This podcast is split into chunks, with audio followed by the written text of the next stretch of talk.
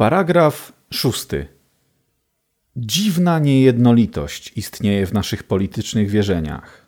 Systemy, które miały już swoje dni i zaczynają tu i ówdzie przepuszczać światło dzienne, są łatane nowymi poglądami, całkowicie różniącymi się jakością i kolorem, a ludzie uroczyście manifestują te systemy, noszą je i przechadzają się w nich, nieświadomi swojej groteskowości. Ten nasz stan przejściowy, podzielony równo pomiędzy przeszłością i przyszłością, rodzi hybrydowe teorie przedstawiające najosobliwszą unię wczorajszego despotyzmu i nadchodzącej wolności. Oto przykłady starego porządku, całkowicie zamaskowane przez zarodki nowego. Szczegóły ukazują adaptację do poprzedniego stanu, zmodyfikowanego przez szczątki przepowiedni tego, co nadchodzi, czyniące jako całość tak chaotyczną miksturę zależności, że nie sposób powiedzieć, z jaką kategorią te narodziny ery powinno się powiązać. Jako, że idee muszą nieodzownie dźwigać znak swoich czasów, bezużyteczny jest lament nad zadowoleniem, z jakim te bezsensowne wierzenia są utrzymywane. W przeciwnym razie zdawałoby się godne pożałowania to, że ludzie nie docierają do końca owego ciągu argumentacji, który doprowadził ich do tych częściowych modyfikacji. W niniejszej sprawie, na przykład spójność, zmusiłaby ich do przyznania, że co do innych kwestii, poza właśnie zaobserwowaną, posiadają oni poglądy i używają argumentów, które pociągają za sobą prawo do ignorowania państwa. Bo cóż oznacza bunt? Były czasy, kiedy wiara człowieka i sposób jej okazywania były tak samo determinowane przez prawo, jak jego świeckie czyny. I według klauzul pozostałych w naszej księdze ustaw dalej tak jest. Jednakże dzięki rozwojowi protestanckiego ducha ignorowaliśmy państwo w tej dziedzinie. Całościowo w teorii i częściowo w praktyce.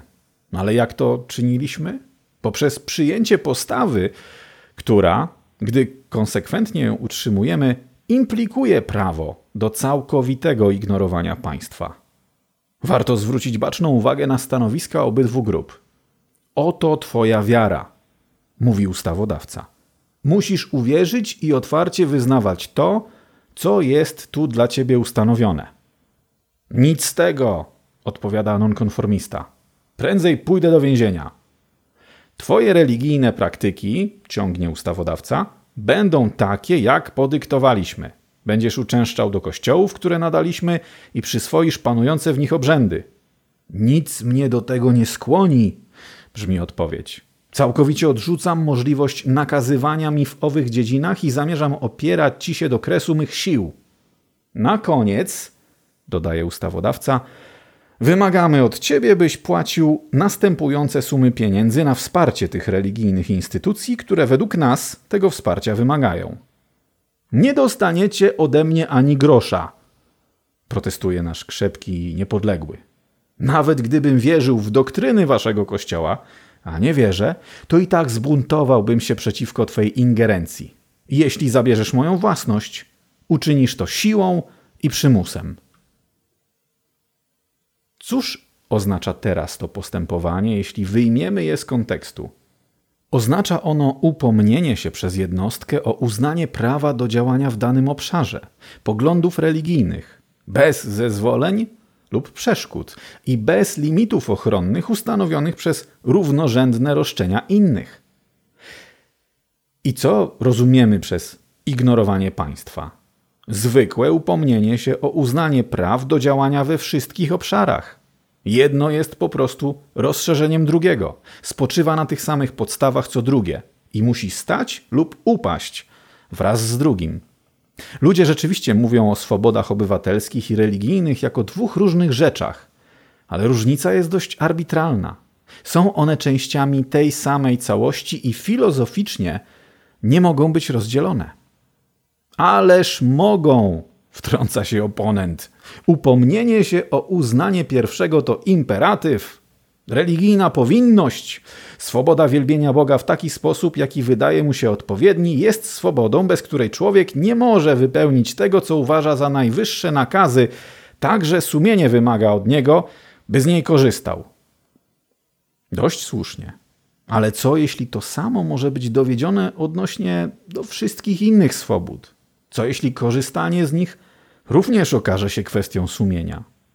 Czy nie dostrzegliśmy, że ludzkie szczęście jest wolą Bożą, że jedynie poprzez korzystanie z naszych zdolności możemy uzyskać to szczęście i że niemożliwym jest korzystanie z nich bez wolności? I jeżeli ta wolność korzystania z naszych zdolności jest warunkiem, bez którego wola Boża nie może być wypełniona, ochranianie jej jest, zgodnie z argumentacją naszego oponenta, powinnością. Lub innymi słowy, okazuje się, że korzystanie ze swobody działania nie tylko może być kwestią sumienia, ale powinno nią być. I to nam klarownie pokazuje, że roszczenia prawa do ignorowania państwa w religijnych i świeckich kwestiach są w istocie identyczne. Kolejny powód, zwykle przypisywany nonkonformizmowi, domaga się podobnego potraktowania. Poza sprzeciwianiem się dyktatowi państwa w ogólności, dysydent opiera mu się ze względu na dezaprobatę wobec nauczanych doktryn. Żaden ustawowy nakaz nie zmusi go do przyjęcia tego, co uważa za błędne przekonanie i, mając na względzie powinność wobec swych towarzyszy, sprzeciwia się temu, by jego sakiewka wspomagała rozprzestrzenianie tego błędnego przekonania. Takie stanowisko jest całkowicie zrozumiałe. Prowadzi ono jednak swoich stronników również do obywatelskiego nonkonformizmu albo zostawia ich z rozterką. Bo czemuż wzbraniają się oni przed spełnieniem roli instrumentu w rozprzestrzenianiu fałszu? Ponieważ fałsz stoi w konflikcie z ludzkim szczęściem. I na jakim gruncie potępiony jest każdy fragment świeckiego ustawodawstwa? Z tego samego powodu, ponieważ jest doktryną pozostającą w konflikcie z ludzkim szczęściem. Jakże zatem można wykazać, że państwu należy się opierać w jednym przypadku, a nie należy w drugim? Czy ktokolwiek rozmyślnie zapewni, że jeśli rząd będzie domagał się od nas pieniędzy, by wspomóc nauczanie tego, co według nas wyrządzi zło, powinniśmy odmówić? Lecz jeśli te pieniądze mają być wykorzystane do czynienia tego, co według nas wyrządzi dobro, nie powinniśmy odmawiać?